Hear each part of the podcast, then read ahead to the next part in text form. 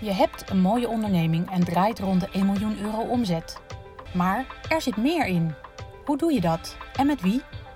Deze en vele andere vragen worden beantwoord in Groeimasters.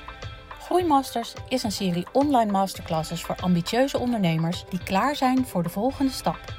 Nu ook als podcast. Leuk dat je luistert. Welkom bij de negende masterclass van Groeimasters. We gaan het dit keer hebben over internationaliseren. Als klein land aan zee staat Nederland al van oudsher bekend als handelsland. We werden groot door de VOC en nog altijd maken ondernemers groot en klein de stap naar het buitenland. In deze masterclass leert u waar u rekening mee moet houden bij het maken van die stap. Hoe kiest u bijvoorbeeld de juiste afzetmarkt en internationaliseringsstrategie? En met welke cultuurverschillen dient u absoluut rekening te houden?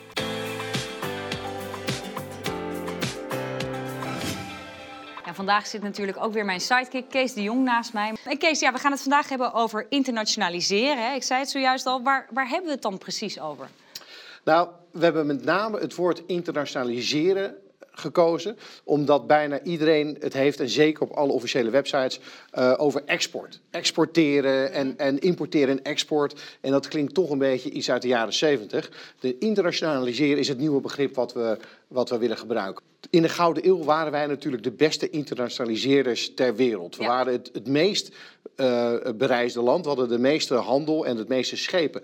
Weet jij waarom wij het meeste schepen hadden? Nee. Nee? Nee, nee. Omdat wij met onze windmolens uh, makkelijker en beter en sneller planken konden zagen. Waardoor wij sneller schepen konden bouwen. En uiteindelijk waren de helft van alle schepen op de wereld waren Nederlandse schepen. Daardoor waren wij beter, sneller in internationaliseren dan de andere landen. Maar dat is niet uh, echt wat nu aan de hand is. We nee, hebben... want hoe doen we het? Nou, we doen het relatief goed. Nog even een klein geschiedenislesje. Wat wij ook na de Tweede Wereldoorlog hebben gedaan, is eigenlijk die enorme internationale handel weer goed aangepakt. Natuurlijk zijn we beroemd van de, van de kaas en van de, van de bollen en van de bloemenhandel. Mhm. Destijds hebben we een aantal hele grote bedrijven wereldwijd gebouwd. Philips is daar een voorbeeld van. Uh, Axo, Unilever, Koninklijke Olie, Shell. Dus wij hebben relatief een heel erg sterke internationale uh, presentie als je kijkt naar de omvang van het landje uh, dat we hebben. En dat is allemaal fantastisch. Maar als je dus nu kijkt naar het MKB, en dat zijn mhm. toch ja, onze, onze doelgroep, onze klanten, hè, bedrijven van 10 tot, uh, tot 100, 250 medewerkers. Ja. Dan doen we het toch minder goed. De teneur is in ieder geval niet dat we stijgen als Nederland. Qua internationaliseren, qua export. Dus relatief uh, dalen we als we het vergelijken met wat we, wat we voor de rest zien in, uh, uh, in de wereld. Als we dan kijken waar naar exporteren, met welke landen doen we het meeste zaken, dat is dan toch ons buurland, Duitsland. Uh, is in 2017 ook nog weer meer geworden ook. Ja, dus Dat, is, dat is best aardig. Ja. Dus zeker naar Duitsland. Heeft natuurlijk ook een stukje met de economie te maken. België, uh, Verenigd Koninkrijk. Daarom is die brexit ook best wel belangrijk ja. voor ons. Frankrijk, Verenigde Staten. En natuurlijk nog een hele, hele lange lijst met, met andere landen. Maar belangrijk is, als we dus kijken naar wat doet het MKB, van de MKB-bedrijven die ik net uh, beschreef, doet maar 5 tot 7 procent internationaal zaken. Dus maar, zeg maar 1 ja. op de 20, 1 op de 18 bedrijven is internationaal bezig. En dat is raar en dat stijgt ja. in ieder geval niet. En als je dan kijkt naar de MKB-bedrijven die investeren in het buitenland, dus in internationale vestigingen en dat soort zaken, is dat maar 2 procent. En als je het dan nog vergelijkt in Europese context, ja deden wij het, nou, de laatste cijfers zijn van 2015, slechter dan andere landen. Waar het ja. gaat om internationaliseren. En dat doet pijn. Maar hoe, hoe verklaar je dit? Nou ja, dat, dat is dus raar. Want eh, het, de, de reden waarom ooit NL Groeit is opgericht, is dat Nederlandse MKB minder hard groeide dan ja. in de ons omringende landen. En dat is eigenlijk nu ook aan de hand ja. met het Nederlandse MKB, waar het gaat om internationaliseren.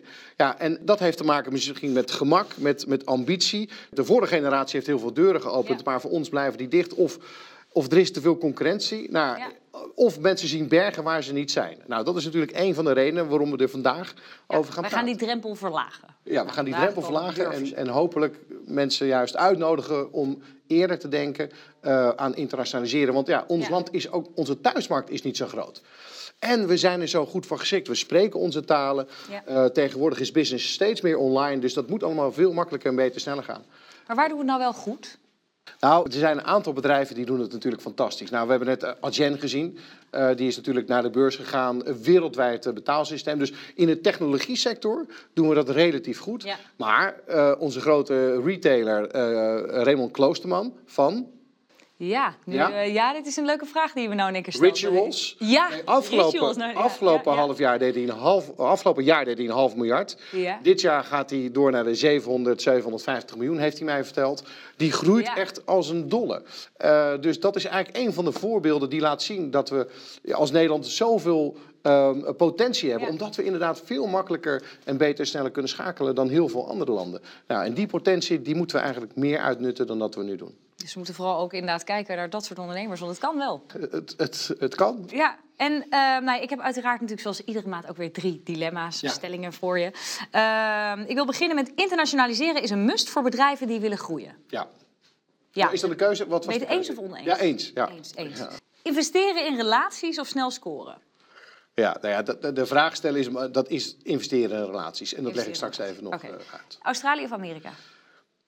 Ja, ik zeg Australië. Australië, oké. We beginnen dus met, nou ja, internationaliseren is een must voor bedrijven die willen groeien. Jij zegt eens. Ja, want uiteindelijk is de thuismarkt maar zo groot. Ja. En ja, je zal uiteindelijk sterker moeten worden. Zo niet, dan komen ook buitenlandse partijen op jouw markt en in, in Nederland. Dus uiteindelijk, zeg maar, in het adagium, je, je, moet groeien of anders ga je dood. Is uiteindelijk, zeg maar, in de meeste markten is, is de markt van Nederland niet meer de markt. Dat was ooit vroeger bij mijn bedrijf ook zo. Ik zag al vrij snel, we moeten door heel Europa een partij zijn. Want anders worden we straks door een grote buitenlandse partij weggevaagd in onze markt. Dat is gelukkig niet gebeurd. Dus als je uiteindelijk wil groeien, dan zou je naar het buitenland moeten. Investeren in relaties of snel scoren? Jij zei investeren in relaties. Ja, nou, ik, als je wil groeien moet je snel nieuwe klanten hebben. Alleen je zal zien in het buitenland dat niks gaat zoals jij hoopt of denkt dat het gaat. En daar gaan we het straks in deze uitzending nog over hebben. Um, ik heb ooit in Japan een vestiging uh, gestart. En dat duurde heel lang en heel lang en heel lang. En uiteindelijk kwam het. En dan raak je ze ook niet meer kwijt. Maar dat heeft twee jaar geduurd voordat we daar een beetje uh, omzet konden genereren. En uh, heel veel rondjes, heel veel koffie drinken en, en andere dingen. Dus uiteindelijk investeren in een relatie. En de laatste was Australië of Amerika. Koos je toch voor Australië? Nou ja, als je geld wil verdienen, moet je naar Amerika. Ik zou zeggen, skip gewoon Groot-Brittannië, skip Duitsland zelfs, ga naar Amerika. Want als je het daar goed aanpakt, dan kan je heel snel groeien. Maar als je nou echt lol wil hebben als je nou echt naar een mooi land wil gaan. Uh, Sydney is een fantastische stad om, uh, om je bedrijf te beginnen. Ik heb daar ook uit een kantoor uh, begonnen. Ja. En ik zou zeggen, als ik ergens kon wonen buiten Europa, dan zou dat zeker zijn Australië. Want dat aspect van internationaliseren is natuurlijk ook belangrijk. Dus al is het maar het idee dat je daar dan kan wonen? Ja, het is wel vreselijk qua tijdzone en alles. En Amerika is veel makkelijker, maar toch Australië En hier in de studio zijn aanwezig onze internationaliseringsexpert Rob van Nes en ondernemer Martijn Bos. Laten we eerst eens kennis maken met Rob. Als projectmanager en interim CEO zag Rob alle uithoeken van de wereld en deed een enorme hoeveelheid kennis op als het gaat om internationaal ondernemen. Hij besloot deze waardevolle kennis niet alleen voor zichzelf te houden, maar juist te delen met ondernemers met internationaliseringsambities. En met succes, want inmiddels is dit uitgegroeid tot een academy. Hij geeft zowel in Nederland als daarbuiten masterclasses op het gebied van internationaal ondernemen. Van MKB-bedrijven tot multinationals. En Rob, welkom. Fijn dat je er eh, vanavond ook bij bent. Um, ik wil jou allereerst eens vragen waar jij nou jezelf jouw kennis vandaan gehaald hebt. Aldoende leert men. Dus uh, vooral veel doen, veel reizen. Uh, vallen, opstaan en weer doorgaan. Dat is de beste leermeester. Daarnaast ben ik recensent van managementboeken. Dus ik lees veel en probeer dan die kennis die ik lees, de, de, cases van anderen, de theorieën, om die te spiegelen aan wat ik zelf meemaak en daar mijn eigen brei weer van te maken. En uh, Rob, wat is nou de meest gemaakte fout? Welke wat is de meest gemaakte fout die jij ziet bij internationalisering? Te snel willen gaan. Heel veel bedrijven willen gewoon te snel scoren. Dat is een beetje in de Nederlandse mentaliteit.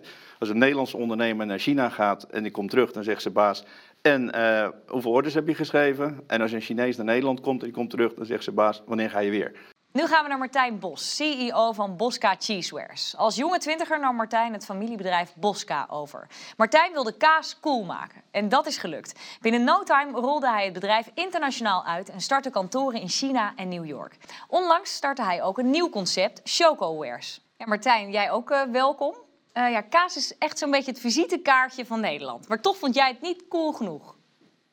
Nee, dat klopt. Leg uit. Waarom is het niet cool kijk, ik vind kaas zelf, eh, kaas een prachtig product. En Ja. kaas is aan zich wel cool. Maar de industrie is heel erg eh, behoudend. eh, Eigenlijk best wel boring. Mhm. Ja. En ik hoorde net over Amerika in die introductie. In Amerika maak je het. Nou, ik weet niet of ik het maak in Amerika. Mhm. En het is een lange weg. Maar één ding, ik leer er in ieder geval heel veel. En dat is bijvoorbeeld hoe ze daar kaas konden maken. Want kaas echt, dat zijn mensen met passie die daarvoor werken. Die het echt uit hart doen. En dat gaat met gasten, met korte mouwen, met tatoeages, flipflops. Die, staan, die hebben de finance business achter zich gelaten. En die werken in een kaasafdeling van de Whole Foods. Omdat ze het echt mooi vinden. En daar staat harde muziek op. Er wordt, gewoon, er wordt een feestje gemaakt op de kaasafdeling. En Ik dat zie het mis wel ik voor Zo'n biker met, een, eh, ja, met, met kaas Nou, erbij, tattoos. Ja, Precies. heel leuk. Wij maken fotoshoots letterlijk net in Amerika. Dit is, dit is geen grap. Met, in een bikerkroeg met allemaal van dat soort gasten. En dan onze tools met kaas en met chocola. Ja, dan klinkt het wel cool. Net gedaan in Vegas. en dit wist je niet, denk ik. Nee, dit, dit, dat wisten we inderdaad niet. En, en wat was nou jouw reden, de reden voor jou om naar het buitenland te gaan? Nou, je noemde net eh, reizen. Ik, ik, als ik heel eerlijk ben, ik had gestudeerd in Amerika, stage gelopen in Canada en ik wilde de wereld zien. En ik belandde eigenlijk in een familiebedrijf waar wij kaasgaven verkochten en maakten in Bodegraven in eh, het midden van Holland. Dus ja, dat is een soort contrast van eh, Ja. mijn, mijn droom van de wereld zien. Maar uiteindelijk dacht ik, ja, ik kan die kaasgaaf volgens mij prima in het buitenland verkopen. Ja. Dus er ligt heel veel potentie. En wat ik net eigenlijk meekreeg over die beats van Sandra. Mhm. ehm, eigenlijk heb ik ook die schaalgrootte nodig om eh, aan innovatie te doen. Ja. En genoeg budget te hebben om producten te creëren. En dat is de andere reden dat ik eh, dit bedrijf run. Is dat ik het zelf heel erg leuk vind om nieuwe producten te innoveren en te maken. Ja. Dus dit was een soort van eh, Nederland was er echt twee klein voor. in en één is drie, zeg maar. Ja. Kees, jij bent, jij bent zelf als ondernemer in het buitenland geweest. Maar waarom begin jij internationaliseren? Nou, voor ons was het heel duidelijk. Onze klanten waren destijds internationaal. Dus wij hadden veel klanten ehm, eh, uit, eh, uit Engeland, uit eh, Frankrijk, uit Amerika. En die verwachten eigenlijk steeds meer lokale service. Dus wij dachten, nou, uiteindelijk hebben wij bedacht, wij moeten in één keer naar de, de meeste Europese landen toe en uiteindelijk naar Amerika. Nou, dat hebben wij eh 2003, 2004 hebben wij dat gedaan. En ook de eerste keer ging het vreselijk mis. De eerste keer naar de UK. Alle beginnersfouten gemaakt. En toen hadden we het een beetje uitgevonden hoe het dan wel moest. En toen hebben we in, in zes, zeven maanden hebben we Stockholm, Frankfurt, Madrid, eh, Parijs, eh, Londen nog een keer voor de tweede keer. Eh, ja, dat waren ze wel eens een beetje. Eh, hebben we Ja. zeg maar geïnternationaliseerd. Wauw. En dat was, ja, dat was bijzonder ook. Met eigen vestigingen. Ehm, ja, daar heb ik veel van geleerd. Daar kan ik heel veel over En Rob, wat zijn nou de belangrijkste redenen voor een bedrijf om te willen of moeten internationaliseren? Eh, vaak is het groei. Ja. Eh, economies of scale kan een, eh, kan een goede reden daarvoor zijn. Eh, je kunt met je klanten, Kees eh, zei het net al, met je klanten mee naar het buitenland. Als zij internationaliseren en je gaat niet mee, dan eh, ja, komt er een ander voor jou in de plaats. Eh, ja, in mijn masterclass heb ik zo'n lange reis eh, van, van reden om te internationaliseren. Maar uiteindelijk moet je, eh, is groei wel een hele belangrijke. Nog eentje, nog en dat was de reden die Martijn aangaf. Van ik wilde ook internationaal werken. Ik voelde me een beetje opgesloten in Nederland. Eh, en misschien heb ik mijn bedrijf gebruikt om, om mezelf meer te ontwikkelen. Daar zit ook nog iets. Als je dat niet leuk vindt als ondernemer, als je er Ja. tegenop kijkt, dan wordt het extra moeilijk. Maar je moet er wel rekening mee houden, als het je eigen bedrijf is, mag je de keuze maken. Als het jouw geld is, is leuk, een hele goede Ja. reden Ja. om dat te doen. Als jij met het geld van aandeelhouders te maken hebt, Ja, dan, moet je rationele goeie- En eh, dan kun je zeggen, ik vind het wel leuk om naar Australië te gaan. Je ziet, je ziet het vaak in landenkeuze. Volgens mij gaan we het dadelijk er nog over hebben. Ik krijg heel veel mensen aan mijn bureau die willen naar Spanje. Eh, Waarom Spanje? Ja, dan zeggen ze niet leuk land. Maar uit de argumentatie haal ik wel waarom ze naar Spanje willen. en niet Ik heb veel eh, ondernemers met een vestiging in Barcelona. Ja, toevallig. Je eigen geld, hele ja. goede reden. Want dingen die je leuk vindt, doe je goed. Dus dat is dat simpel. Toch nog één we toch lekker bezig zijn. Eh, potentie. Op een gegeven moment zag ik gewoon heel veel potentie in een bepaalde Ja. markt. En dan vind ik het bijna, dan ben je Zonde als je dat bijna stout ja, als je het ja, niet doet. ja, Want die ja. potentie, die kan, je kan, wij kunnen met onze producten mensen een leuke avond geven. Ja. En waarom zou ik dat niet in meer eh, landen Ja, doen? ja. Ik denk dat voor heel veel bedrijven in Nederland ook geldt. Die hebben prachtige producten, die kunnen de hele wereld over. Ja, het is eigenlijk bijna een plicht om het te doen. Ik heb voldoende ondernemers die het wel kunnen, maar die niet willen, omdat ze geen goed Engels spreken. Dat is echt, klinkt een he- Ja, als een hele rare reden. Maar die voelen zich niet senang als ze met een buitenlander een zakelijk gesprek eh, moeten. Maar daar komt dan nu een hele leuke vraag over binnen. Want u zegt, we willen met een native team werken in het buitenland. Hoe kan ik de beste mensen vinden in het buitenland zonder heel veel geld en headhunters kwijt te zijn? Ten eerste, je moet, je moet, je moet niks. Maar wat ik heb geleerd, is toen ik naar het buitenland ging... en uh, toen merkte ik, het werkt niet om daar Nederlanders naartoe te brengen.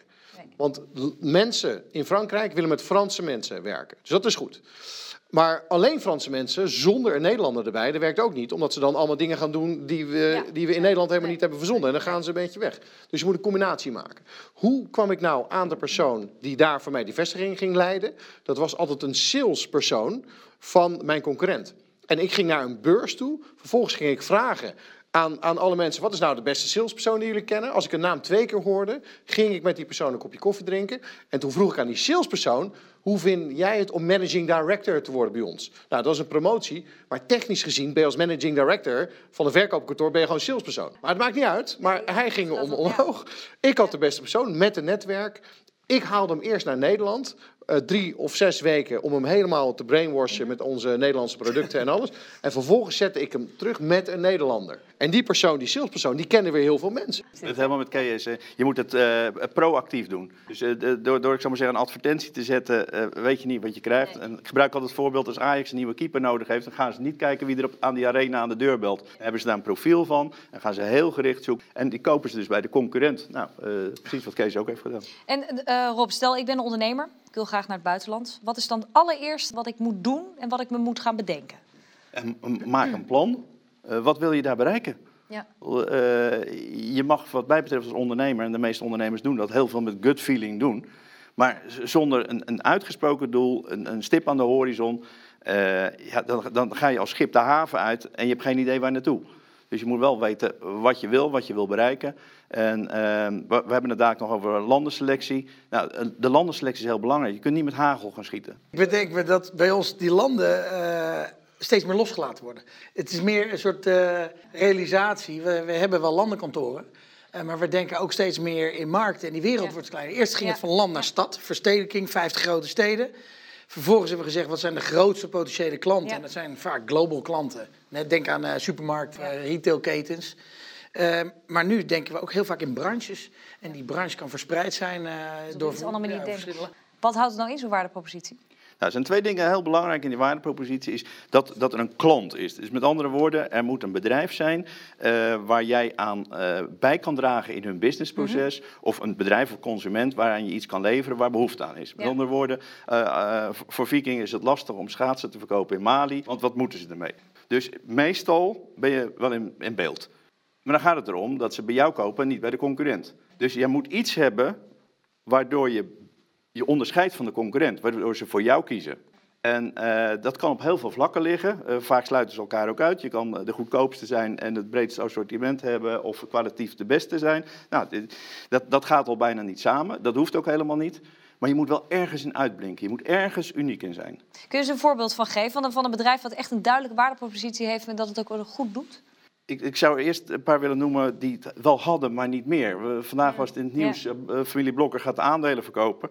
Uh, kennelijk geloven ze er nu zelf ook niet meer in. Maar die hadden een hele sterke waardepropositie. Ja. Er waren heel veel hele goede redenen om naar Blokker toe te gaan. En die reden vielen weg omdat er iemand anders overheen kwam.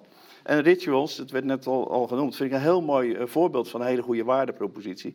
Want daar, daar willen we bij horen.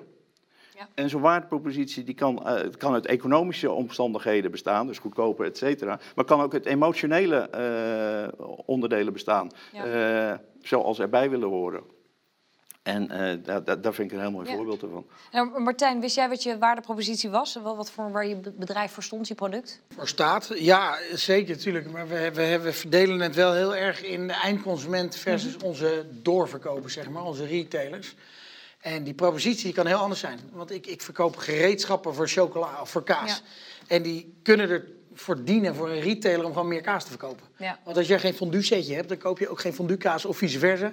Ja. Um, dus dat is één deel. Um, maar dat is heel vaak, uh, Martijn. Een hotel heeft zakelijke klanten en privéklanten. En voor ja. beide hebben ze een andere waardepropositie. Nou ja, absoluut. Dus als je verschillende merken hebt, heb je ook voor ieder merk heb je een eigen ja. waardepropositie. Nou, in dit dus geval zijn het teers, zeg maar. Nee, nee dat, uh, dat ben ik helemaal met je eens. De eindconsumentenwaardepropositie merk ik wel dat wij. Ik kan een mooi verhaal doen, hè, dat gaat bij ons ja. over dat we een uniek assortiment hebben, innovatie, kwaliteit, prijs. Eigenlijk is het heel vaak bij, bij, bij rituals bijvoorbeeld, toevallig dat pas eens onder loep genomen, maar dan gaat het ook gewoon om, om, om prijs, eh, ontwerp eh, en in hun geval gaat het om Ja. geur en assortiment. Dus dat is één deel. Maar waar we nu een beetje mee struggelen is om te zoeken van wat zijn nou de beste klanten voor ons als het gaat om values. Passen ze bij onze waarden? Passen Ja. ze bij ons eh, DNA, zeg maar? Ja. Want we merken als dat wel klopt, opeens alles gaat makkelijk. En we hebben echt fans, die staan bij ons gewoon op, op beurzen, staan ze op de bar te dansen. We hebben DJ's en whatever.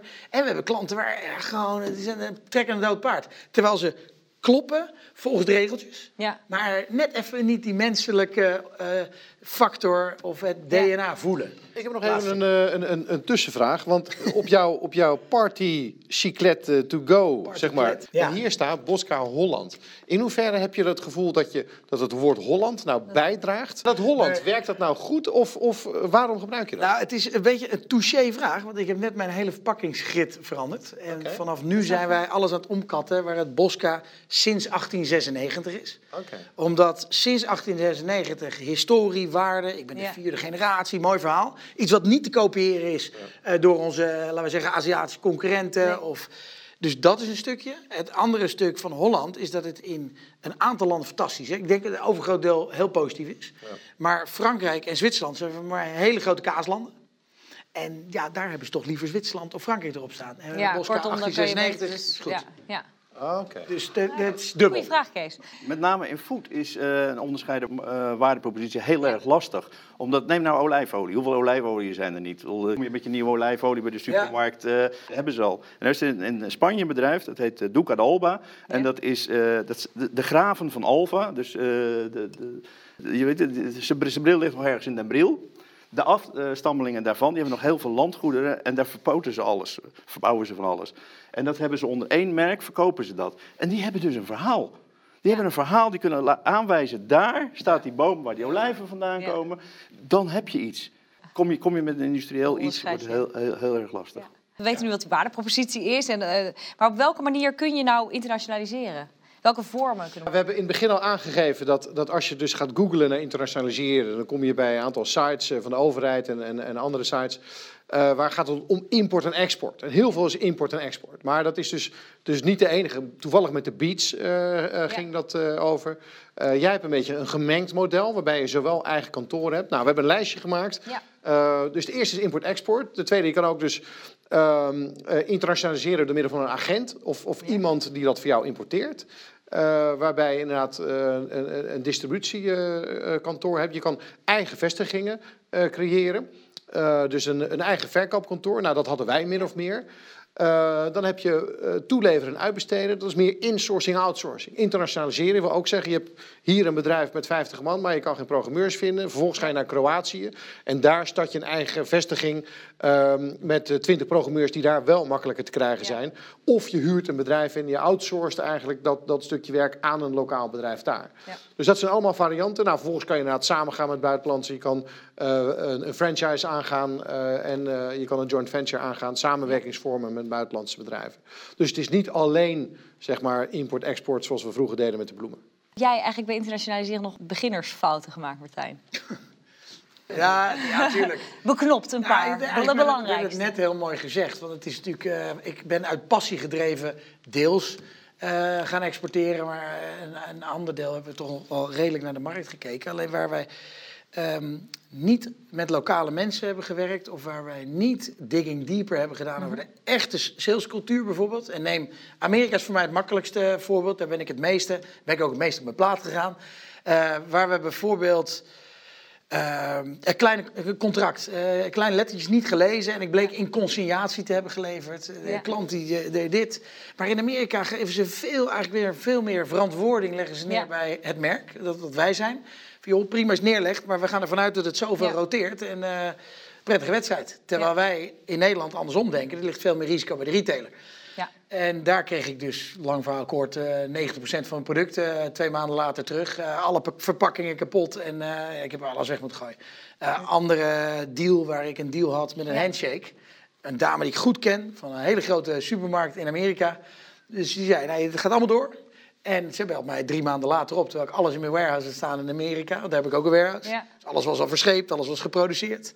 En daar bleek eh, eh, uiteindelijk helemaal geen orde aan vast te hangen. In oh ja. naïviteit heb je gedacht, nou, dat komt wel goed. Nee, Nee, sterker nog, niet eens in naïviteit, alleen in een andere eh, culturele beleving. Want in Nederland is het rechtsgeldig. Maar in Amerika niet. Daar moet het op schrift staan. Oh, ja, ja, ja. Dus die dame zegt, ja, dat komt, die denkt, die komt nog wel even controleren. En ik dacht, ja, we hebben een deal. En uiteindelijk eh, kreeg ik bestellingen van een paar winkeltjes in plaats van de 600 winkels die ik zou beleveren. Klinkt dit bekend, eh, Kees? Dat Ja, veel met gemaakte beginnersfouten? De, de meeste beginnersfouten die ik hoor van andere ondernemers. Toevallig had ik laatst een, een, een soort sessie met ondernemers over internationaliseren. En eh, ik geloof dat zeven van de tien zeiden: ja, we zijn in België begonnen. En daar hebben we echt heel veel geld verloren. Omdat het zo dichtbij lijkt. Ja, Hè, ja, de mensen ja. spreken ook een Ja. soort van Nederlands. En, Ja. en je rijdt echt een uur en alles is anders. Dus dat is, eh, dat is denk ik de meest gemaakte beginnersfout. Ja, absoluut. Eh, de- Ja. Het verhaal van, eh, van Martijn. Ga, ga eens naar India. Ja. Daar is een contract is, is niet meer dan een intentie van misschien ooit iets met elkaar te gaan doen. En als je dat dan letterlijk gaat opvatten, dan denk je inderdaad... Dus ik dat soort order. cultuurdingen inderdaad, uh, hou er rekening mee. Da- Daar heb ik een handtekeningen gezien en gezet waar nooit meer iets mee gebeurd is. Dat, eh, En eh, welke vaardigheden zijn er eigenlijk nodig om in het buitenland wel echt te kunnen slagen? Martijn? Nou, ik heb dit, dit weet ik uit mijn hoofd, want die praat ik wel eens over voor groepen, omdat ik er echt op mijn plaat ben gegaan. Er zijn eigenlijk drie dingen. Ja, Lokaal werken, dus ik probeer echt eh, met lokale mensen te werken en een beetje de combi te zoeken om de culturele verschillen met Nederland en taal, et cetera, te begrijpen. Dus ja. ik probeer in Amerika met Amerikanen te werken, in Duitsland met Duitsers en in Frankrijk met Fransen. Storytelling. Eh, ons verhaal van 1896 vonden wij vanuit het Calvinisme, joh, doe maar normaal, doe je al gek genoeg. Niet zo opblazen. Mijn eigen vader die zei, joh, onzin. Terwijl Ja. ik denk, potverdorie jongen, als ik het iets in Japan eh, kan gebruiken om aanzien te krijgen, of in Amerika om niet gekopieerd te worden, is het onze story. Ja. Dus het is lokaal story en het is ook focus. Waarin, ja, 90 landen klinkt allemaal prachtig. Maar ik zet natuurlijk, laten we eerlijk zijn, in 85 landen niks om. Nee. We zijn nog steeds een relatief klein Focussen bedrijf. op de Dus landen waar het wel werkt. Ja, mini, mini multinational. En wat ik heb gedaan is in die landen hebben we uiteindelijk de prijs verhoogd. We voeren geen marketing, doen we een heel klein team en nu verdien ik er geld. En vroeger was dat absoluut mijn vliespost, die 85 kleine landen. Ja. Dus maak daarin ook echt, echt die keuze. Durf die keuze te maken. Heb jij daar nog eh, eh, een tip in? Welke vaardigheden heb je nou echt wel nodig om te kunnen slagen? Nou, ik, ik heb wel, wel, wel honderd tips, dus zoals jij. Maar een van de dingen die je niet realiseert, en dat hangt een beetje van je model af, dat als je besluit om te gaan internationaliseren, zoals wij deden met andere vestigingen, dan krijg je steeds meer eh, klachten van die andere vestigingen dat de mensen in Nederland gewoon een paar boerenkinkels zijn. En, en dat snap je eigenlijk niet totdat meer dan de helft van je mensen internationaal is. En dan ga je het ook zien. En dan, eh, dan moet je heel veel veranderingen, cultuurveranderingen, maar ook even zorgen dat de, dat de taal, dat de bedrijfstaal, de- gewoon Engels wordt. Alle documenten in het Engels, alle conference calls in het Engels, alles. En daar zit een soort cultuurverandering in. Dus als je gaat internationaliseren, is het heel handig om snel al op jouw kantoor een aantal niet-Nederlanders aan te nemen. Zodat de vergaderingen in het Engels gaan en, dan kom je al een beetje in de sfeer. Je zit natuurlijk wel in de, in de wereld van de wat grotere bedrijven. Want de iets Ja. kleinere bedrijven die gaan internationaliseren. Ik had twintig man hè, toen. Ja, ik had maar dan, 20 dan man. is het best wel fijn als ze ook iets van de lokale taal begrijpen. Want Ja. eh, wij- zijn er nog een soort van goed in. De andere kant vaak helemaal niet. Dus dan kom je daar met je Engels. Ja. Ja. dan kun jij het wel goed doen. Dan kun je conference call in het, in het- in het Engels willen. Maar als de rest het niet begrijpt, dan eh, heb je toch een hoop landen wel mee te Maar kan iedereen het leren, Rob? Eh, nee. Oh, dat is niet een heel eh bevredigend antwoord natuurlijk. Nee. Niet iedereen kan het leren. En Nee, waarom niet? Want wat je niet kunt leren, is om het leuk te vinden. Als jij heel erg procesgedreven bent en van Ja. structuur houdt en van regelmaat houdt, dan moet je niet de wereld intrekken en proberen de wereld te veroveren. Want eh, niets is wat het lijkt. Nee. Hartstikke expect- procesgedreven. Al- always expect the unexpected. Eh, je wordt er ongelukkig van. Ja. eh, je, je gaat het niet leuk vinden. En Nee. ik zei het al eerder, wat je niet leuk vindt, gaat je niet lukken. En dat is een karakter iets. Kijk, alles wat met de theorie te maken heeft, en businessplannen en strategieën, dat, tuurlijk kun je dat leren. Maar de fun factor om succesvol te worden, eh, die, die is cruciaal. En eh, als je je happy voelt eh, om, om rond te reizen, eh, niet meteen gestrest raakt als er weer eens een vliegtuig uitvalt en je weer eens een tijdje op een luchthaven zit. Het hoort er allemaal bij. Natuurlijk is het niet leuk. Ja, ik vind ja, het ook niet leuk. Maar het hoort er allemaal bij. En dat, dat, dat, dat is geven en nemen. Je hebt de meest mooie momenten en je hebt de meest saaie momenten. En zit je, zit je in dat ritme, wil je graag om vijf uur thuis achter de aardappelen zitten. Niet internationaliseren. Niet, niet aan beginnen. Nee. nee. We hebben het gehad over, over verschillende vormen van internationaliseren en ook belangrijke redenen voor ondernemers om naar het buitenland te gaan. En dus ook om het niet te doen. Uh, hoe kom je er vervolgens uh, achter welk land of welk gebied voor uw onderneming nou het meest geschikt is? En wat is het belang van het hebben van kennis over andere businessculturen? En dat is wat we nu gaan bespreken. Uh, Rob, als we het hebben over businessculturen, welke culturen kunnen we dan grofweg onderscheiden? Lewis heeft er een mooi model van gemaakt. Je hebt dominant geel, dominant rood en dominant blauw. Uh, daar heb je allerlei tussenvormen voor. Uh, als, je, als je inzoomt op de kaarten zie je bijvoorbeeld dat in Frankrijk het noorden veel blauwer is dan, dan het zuiden. Uh, hetzelfde in Spanje. Maar dat zijn de dominante kleuren. Nou, rood en geel zijn in essentie relatieculturen. Blauw is een procesgedreven cultuur. Dus in zo'n relatiecultuur moet er eerst een relatie zijn voordat er een transactie kan gaan plaatsvinden. Dus we moeten eerst uh, aan elkaar geroken hebben, we moeten elkaar vertrouwen, we moeten, we moeten het gevoel hebben dat we tot business kunnen komen. Terwijl in die blauwe culturen, uh, als wij elkaar niet mogen, maar jij hebt wat ik nodig heb voor de prijs die ik wil betalen, dan kan ik van, van je vinden wat je wil, maar ik koop Komt het. het gewoon goed. Ja, uh, ik koop het. En dat is in die relatieculturen helemaal niet. En omdat wij in zo'n blauwe cultuur zitten, hebben we wel eens moeite om die relatieculturen goed te, te begrijpen. En Op wat, op wat voor manieren komen die cultuurverschillen allemaal tot uiting? Ja, e- eerst en vooral, wat ik net al uitleg, Ja. je, je- er, moet, er moet een basis van vertrouwen zijn. Er Ja. moet een, een, wil zijn om, om te samenwerken.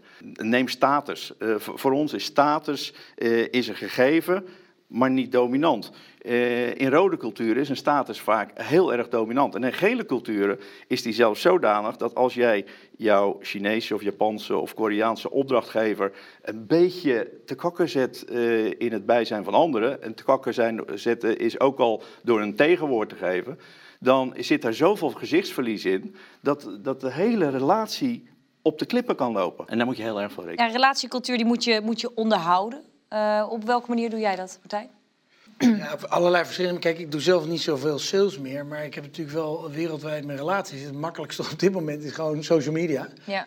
Uh, omdat ik ook de hele wereld niet uh, af kan blijven reizen. We geven veel feesten. Dat past ook bij wat we verkopen. Hè. We verkopen eigenlijk Ja. een feestje op tafel.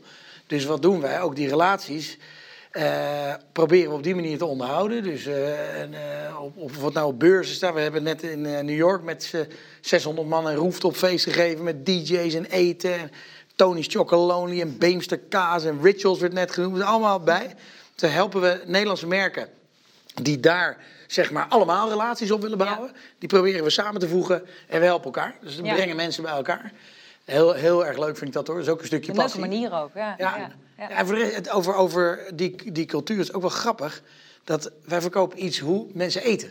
Ja. Dus de eetcultuur is ook iets heel belangrijks. En als we Daar daarvoor... moet je echt wel even onderzoek naar doen dan. Ja, ja. ja.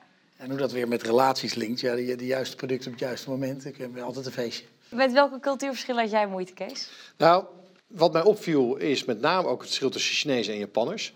Hè, vanuit Amsterdam lijkt dat zeg maar heel dicht op elkaar. Maar dat is echt een groot verschil. Met Chinezen, het valt op dat ze zo geel zijn. Want hè, daar kan je sneller en makkelijker in het plaatje, hè, voor de duidelijkheid, eh, zaken, zaken mee doen dan, je, dan Japanners. In Japan moet je echt een lange relatie opbouwen. opbouwen. Eh, ik heb een aantal ervaringen. Ten eerste, ik moest echt leren om met Amerikanen om te gaan. Want in Nederland eh, koopt iemand bij je, je maakt een deal Ja. en het is af wanneer het af is. Ja. Maar in Amerika maak je een deal en het is af wanneer de klant zegt dat het af moet zijn. En, en ze, ze hebben daar een andere manier van eisen eh, en van serviceverwachtingen. En in Nederland is het, ja, maar het is al kwart over vijf. Gelukkig werkt het bij ons door tot zeven uur, maar het is al kwart over zeven. En in Amerika, ja, hallo, het is nog niet af. Dus je werkt net zo lang door totdat het af is, omdat ik het wil, omdat ik de klant ben. Rob, ehm, hoe kom je er eigenlijk achter welk land of welk gebied nou het meest geschikt is voor jouw bedrijf of product? Dat is een cruciale, dat is een hele belangrijke. En eh, op het moment dat je het besluit hebt genomen om te internationaliseren of om meer te gaan internationaliseren, dan is de vraag dus waar. We hebben Ja. ongeveer 200 landen. Met hagelschieten, dat, eh, dat gaat hem niet worden. Ehm, dan moet je je keuzes gaan maken. Ik heb daar een, een model voor ontwikkeld, een marktselectiemodel. Eh, op de ene as staan criteria die voor jouw business van belang zijn. Dat kan bijvoorbeeld zijn of er een diepzeehaven in de buurt is, omdat je grote hoeveelheden te, te verschepen hebt. Eh, of er veel water is, om, omdat je eh, plantjes moet laten groeien. Eh, of er eh, mensen zijn met een eh, universitaire opleiding in gaming, omdat je nou toevallig in die gaming-industrie zit. Nou, dat is voor ieder bedrijfstak, voor ieder Ja. bedrijf is dat anders. Die komen op de linkeras. Dan op de rechteras komen er een aantal landen. Kijk, die 200 200 kun je niet gaan onderzoeken. Want dit is serieus werk, zo'n marktonderzoek. Uh, dus je maakt een voorselectie. Je gaat al een heleboel wegschuiven waarvan je zegt... nou, weet je, daar zijn we nog niet aan toe. Uh, dat, dat, dat klinkt niet interessant. Uh, daar hou je er een aantal over. Uh, tussen de 5 en 10. En dan ga je serieus marktonderzoek doen op die criteria die je hebt geformuleerd. En als je die criteria maar goed formuleert, dan kom je een heel eind. Maar dat is dus wel serieus werk, want als je de verkeerde criteria neemt, dan krijg je de verkeerde uitkomst. En dan kun je op een gegeven moment uh, eigenlijk gewoon gaan, gaan invullen, cijfertjes geven. Ja. En dan kom je op een rationele manier erachter. Uh, welk land het meest interessant is. Dat wil nog niet zeggen dat je dat land meteen gaat doen, want het is management ondersteunende informatie. Maar als je daarmee naar, naar een bank gaat of naar aandeelhouders gaat of andere stakeholders gaat en, en zegt, nou op deze manier ben ik erachter gekomen dat, uh, dat Spanje of dat Duitsland of dat ja. uh, Centraal-Afrika het meest interessante markt is, dan laat je in ieder geval zien dat je op een hele procesmatige, doordachte manier tot een besluit bent gekomen ja. welke markt het meest interessant is. En dan zou ik zeggen, voor de meeste bedrijven geldt niet meer dan één of twee per jaar. Want het kost uh, managementtijd. Dit hoort bij het management thuis. Ja, Dat ja. is niet van uh, wijs iemand aan, dus gaat maar doen. één of twee per jaar. Max één of twee per jaar. Um, ik kreeg ook een kijkersvraag binnen. Waar kun je nou terecht voor informatie met betrekking tot informatie over landen en regels? Ja, de, de, de RVO. Uh, weet daar heel veel van. En uh, weten ze zelf niet, weten ze door te, ja. te sturen. Uh, dat is dan meestal via de ambassades. Daar zit de meeste kennis over landen en regels. Ik ben zelf altijd veel meer geïnteresseerd in brancheinformatie. Want ik werk met bedrijven. Bedrijven zitten in een branche. Ik wil die branche kennen. Eigenlijk ja. interesseert die hele macro-economische omstandigheid. Interesseert mij helemaal niet. Want, want je kunt totaal tegen de conjunctuur in hartstikke succesvol zijn. Of in een cultuur falen. Dus, dus het gaat om, wat mij betreft om, om brancheinformatie. De meeste landen hebben, hebben dat wel ergens. De Venedex was toch ook een, een partij waar we... Ja, Venedex. Ik, ik, ik ken Venedex vooral om hun uh, uitgebreide kennis op het gebied van douaneformaliteiten en, en ja, dat soort dingen. ondersteuning, maar ze ja, ja. hebben ook wel markt. Maar uh, dat is ook een partij. En uh, VNO verdiept zich er steeds meer in, brancheorganisaties. Maar je krijgt als ondernemer in het buitenland natuurlijk ook te maken met, met andere, vaak minder goede arbeidsomstandigheden. Hè? Hoe, hoe moet je daar nou mee omgaan? Even een masterclass in uh, International Business Cultures and Ethics. De, daar stel ik altijd de interessante vraag: uh, wie is er hier voor kinderarbeid? En dan steekt niemand zijn vinger uiteraard nee, op. Nee. En dan zeg ik: oké, okay, uh, wat is kinderarbeid? En dan krijg je wat discussie. En ja. 8, 12, 14. Dan zeg ik, weet je, wat zegt UNICEF ervan? Nou, UNICEF zegt: kinderen moeten het recht hebben om naar school te gaan en om te, om te, om te, te kunnen spelen. Maar verder accepteren we dat het er is. We, we kunnen het niet uitroeien. Dus, dus we hebben al heel veel gewonnen als alle kinderen kunnen spelen en naar school gaan. En dan zie je toch dat er code of business conduct zijn van bedrijven, waar, waar zoveel staat geschreven over business-ethische zaken, waarvan zelfs UNICEF zegt, jongens, het is er. Ja. Kom op. Uh, ik vind het wel bij marktonderzoek horen dat je heel goed weet welke business-ethische zaken er aan de orde komen. Waar kan je tegenaan lopen? Dan moet je niet aan lokale mensen. Dat, nee. dat is topmanagement. Ik ging met een bedrijf naar Spanje en dan krijg je te maken met uh, dat er, uh, bedden, in dit geval, uh, dat er iemand in je winkel komt en die zegt, oh dat bed dat wil ik wel hebben, dat kost 10.000 plus btw. Hier heb je 10.000, ik leg het zo op tafel, maar die btw betaal ik niet. Ja, dat is dat wel gebruikelijk. Ja, hoe ga je daarmee om? Daar moet je niet een winkelmeisje mee lastigvallen. Daar nee. moet je van tevoren als management over nagedacht hebben. Wat, uh, wat staat me te wachten en wat zijn onze instructies dan? Laten we tot slot nog heel even blik werpen op de toekomst. Uh, wat zijn nou ontwikkelingen waar we internationaal gezien echt rekening mee moeten gaan houden? Martijn? Ja, voor mij is een gigantische shift in de markt, in housewares noem het maar even zo, naar online. En we hadden het net al even over die, de, de, hoe je kijkt naar landen of naar uh, branches. Wij kijken naar hele grote klanten, wel grappig. We don't want to rob the gas station, we want to rob the bank. Dus wij hebben ook 30 banks gedefinieerd wereldwijd, wat onze grootste potentiële klanten zijn. Nou, daar hebben we een filosofie op. Maar ondertussen merken we dat in Amerika al 40% van mijn industrie al online gaat. Ik weet niet waar het stopt hoor. Ik denk wel dat er een, een, een gap ja. is van uh, 60% online, 40% toch nog wel in fysieke retail, 30%. Maar dat, dat is zo'n gigantisch verschil. Marktonderzoeken, ja, al die marktonderzoekbedrijven hebben het zwaar, omdat alles online ook te vinden is. Dus die hele artificial intelligence die eraan komt, ja, daar, dat is een spannende tijd. Met heel veel kansen ook natuurlijk. Wat voor kansen zie jij voor internationalisering, Kees? Uh, nou, ik zie uh, heel veel kansen en uh, dat zie je al een beetje terugkomen bij de start-ups. Want het merendeel van de start-ups die nu beginnen, die hebben al gelijk het internationale concept, hebben ze al in, de, in, in, het basisidee van hun, hun, hun, product. Ik wil nog één ding nu zeggen voordat ik het vergeet straks, want ik werd even getriggerd door jouw RVO. Ja?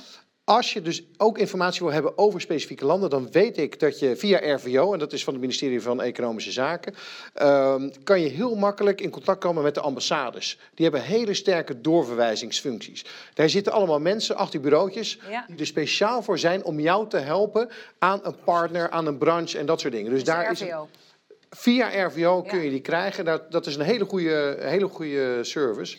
In alle landen hebben we, hebben we ambassades, dus die wil ik even... Die Entrepreneursorganisatie, ook een goede. Entrepreneurs Organization, dat is 14.000 wereldwijde entrepreneurs die je kan eh, gebruiken. En zo zijn er nog meer. Maar ik heb er één opmerking bij, want ik, ik was het helemaal met je eens. Oh. Maar de ambassades zijn behoorlijk uitgedund. Veel consulaten zijn gesloten. Dus het aantal mensen wat achter zo'n tafeltje zit, om dat voor jou te doen, is wel een stuk minder geworden. Het aantal aanvragen geloof ik toegenomen.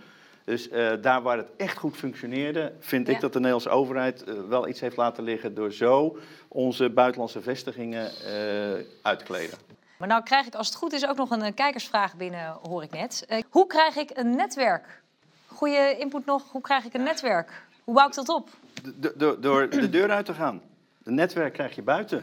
Ja. Uh, We het van Sandra ook al, hè? Gewoon ja, uh, weet je, in het vliegtuig praat je al met mensen. Uh, ga, naar beurzen. in, beurzen, in de hotelbar. Beurzen, beurzen. beurzen is een hele, hele goede. En, en, en wees geïnteresseerd in mensen. Ja. Want dan, dan raak je vanzelf al in gesprek. En mensen kennen mensen. Want het is, het is nooit dat degene naast je in het vliegtuig de gouden sleutel in zijn handje heeft. Nee. Maar die kent wel iemand die je verder helpt. Social media, trots zijn, durven het verhaal te vertellen, want daar zijn we veel te behouden in. Ja. En de rest, ja, toch ook wel weer die ouderwetse beurs.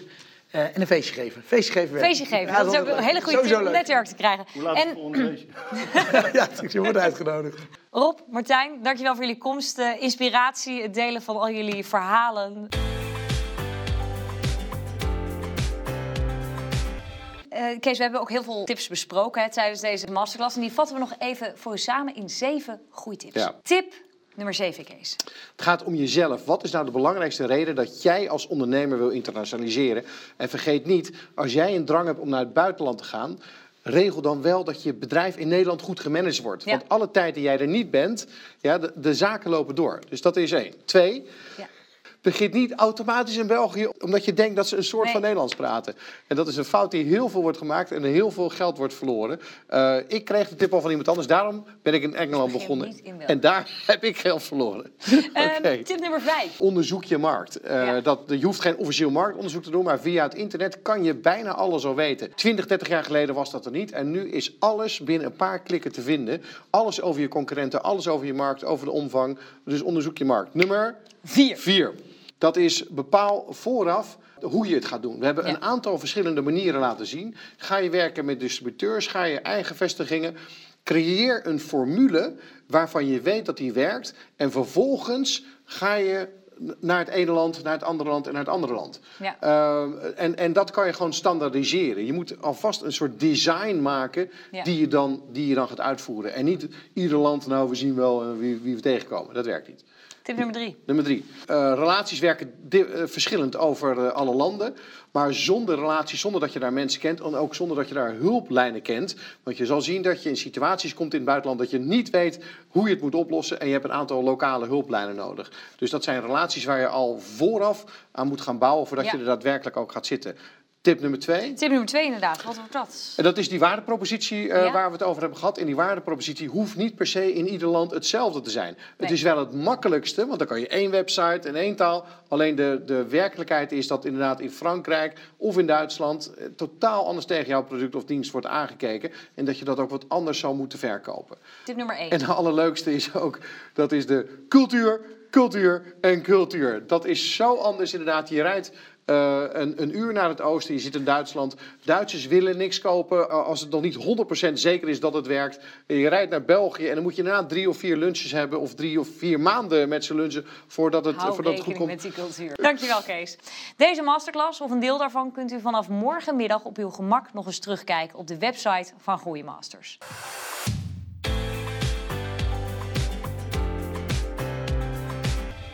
Groeimasters is een onafhankelijk initiatief van Quadia en ondernemersplatform NL Groeit en wordt mede mogelijk gemaakt door onze partners en groeisupporters Egon, Grant Thornton, Fundwijzer, Microsoft en 24coms. Voor meer informatie en om je in te schrijven voor de eerstvolgende masterclass ga je naar groeimasters.nl.